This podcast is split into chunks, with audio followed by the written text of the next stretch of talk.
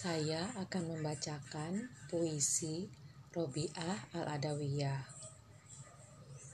Aku mencintaimu dengan dua cinta. Cinta karena diriku dan cinta karena dirimu. Cinta karena diriku adalah keadaan senantiasa mengingatmu.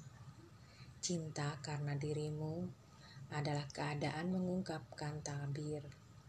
Hingga engkau kulihat baik untuk ini maupun untuk itu. Pujian bukanlah bagiku, bagimu pujian untuk semua itu.